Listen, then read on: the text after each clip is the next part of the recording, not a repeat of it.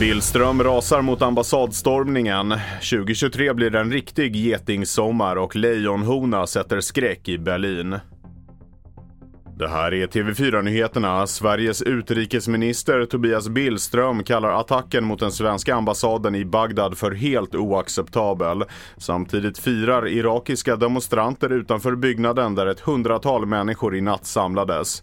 Den svenska ambassaden stormades och sattes i brand efter att nyheten om att det ska ske en planerad koranbränning utanför den irakiska ambassaden i Stockholm idag torsdag. Stormningen har organiserats av Muqtadar al-Sadr shia-muslimsk predikant och hans anhängare. Folkhälsomyndigheten ska utöka övervakningen kring fågelinfluensa och göra extra analyser för att hitta eventuell smitta hos människor.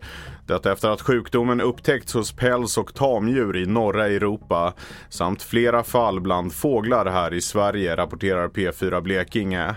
Den som blir sjuk efter kontakt med fåglar uppmanas att söka vård. Sommaren 2023 spås bli en riktig getingsommar, det menar Anticimex som hittills haft 5000 fler saneringar jämfört med samma period förra året. Någon som märkt av den getingtäta sommaren är David Kålvik.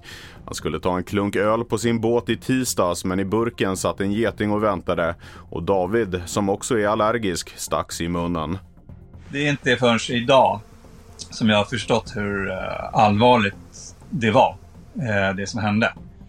Eh, för jag var tvungen att prata med läkaren innan jag skrevs ut från akuten. Där, att, vad betyder det här egentligen?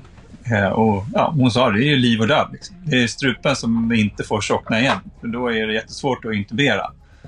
Eh, och det var då jag förstod att jäklar, jag har ju haft tur alltså.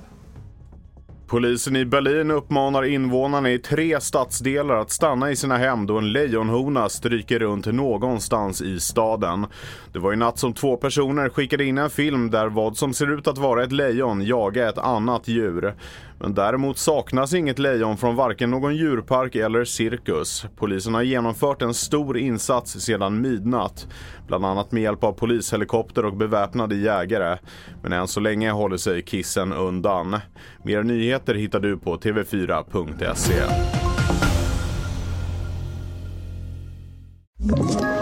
Ett poddtips från Podplay.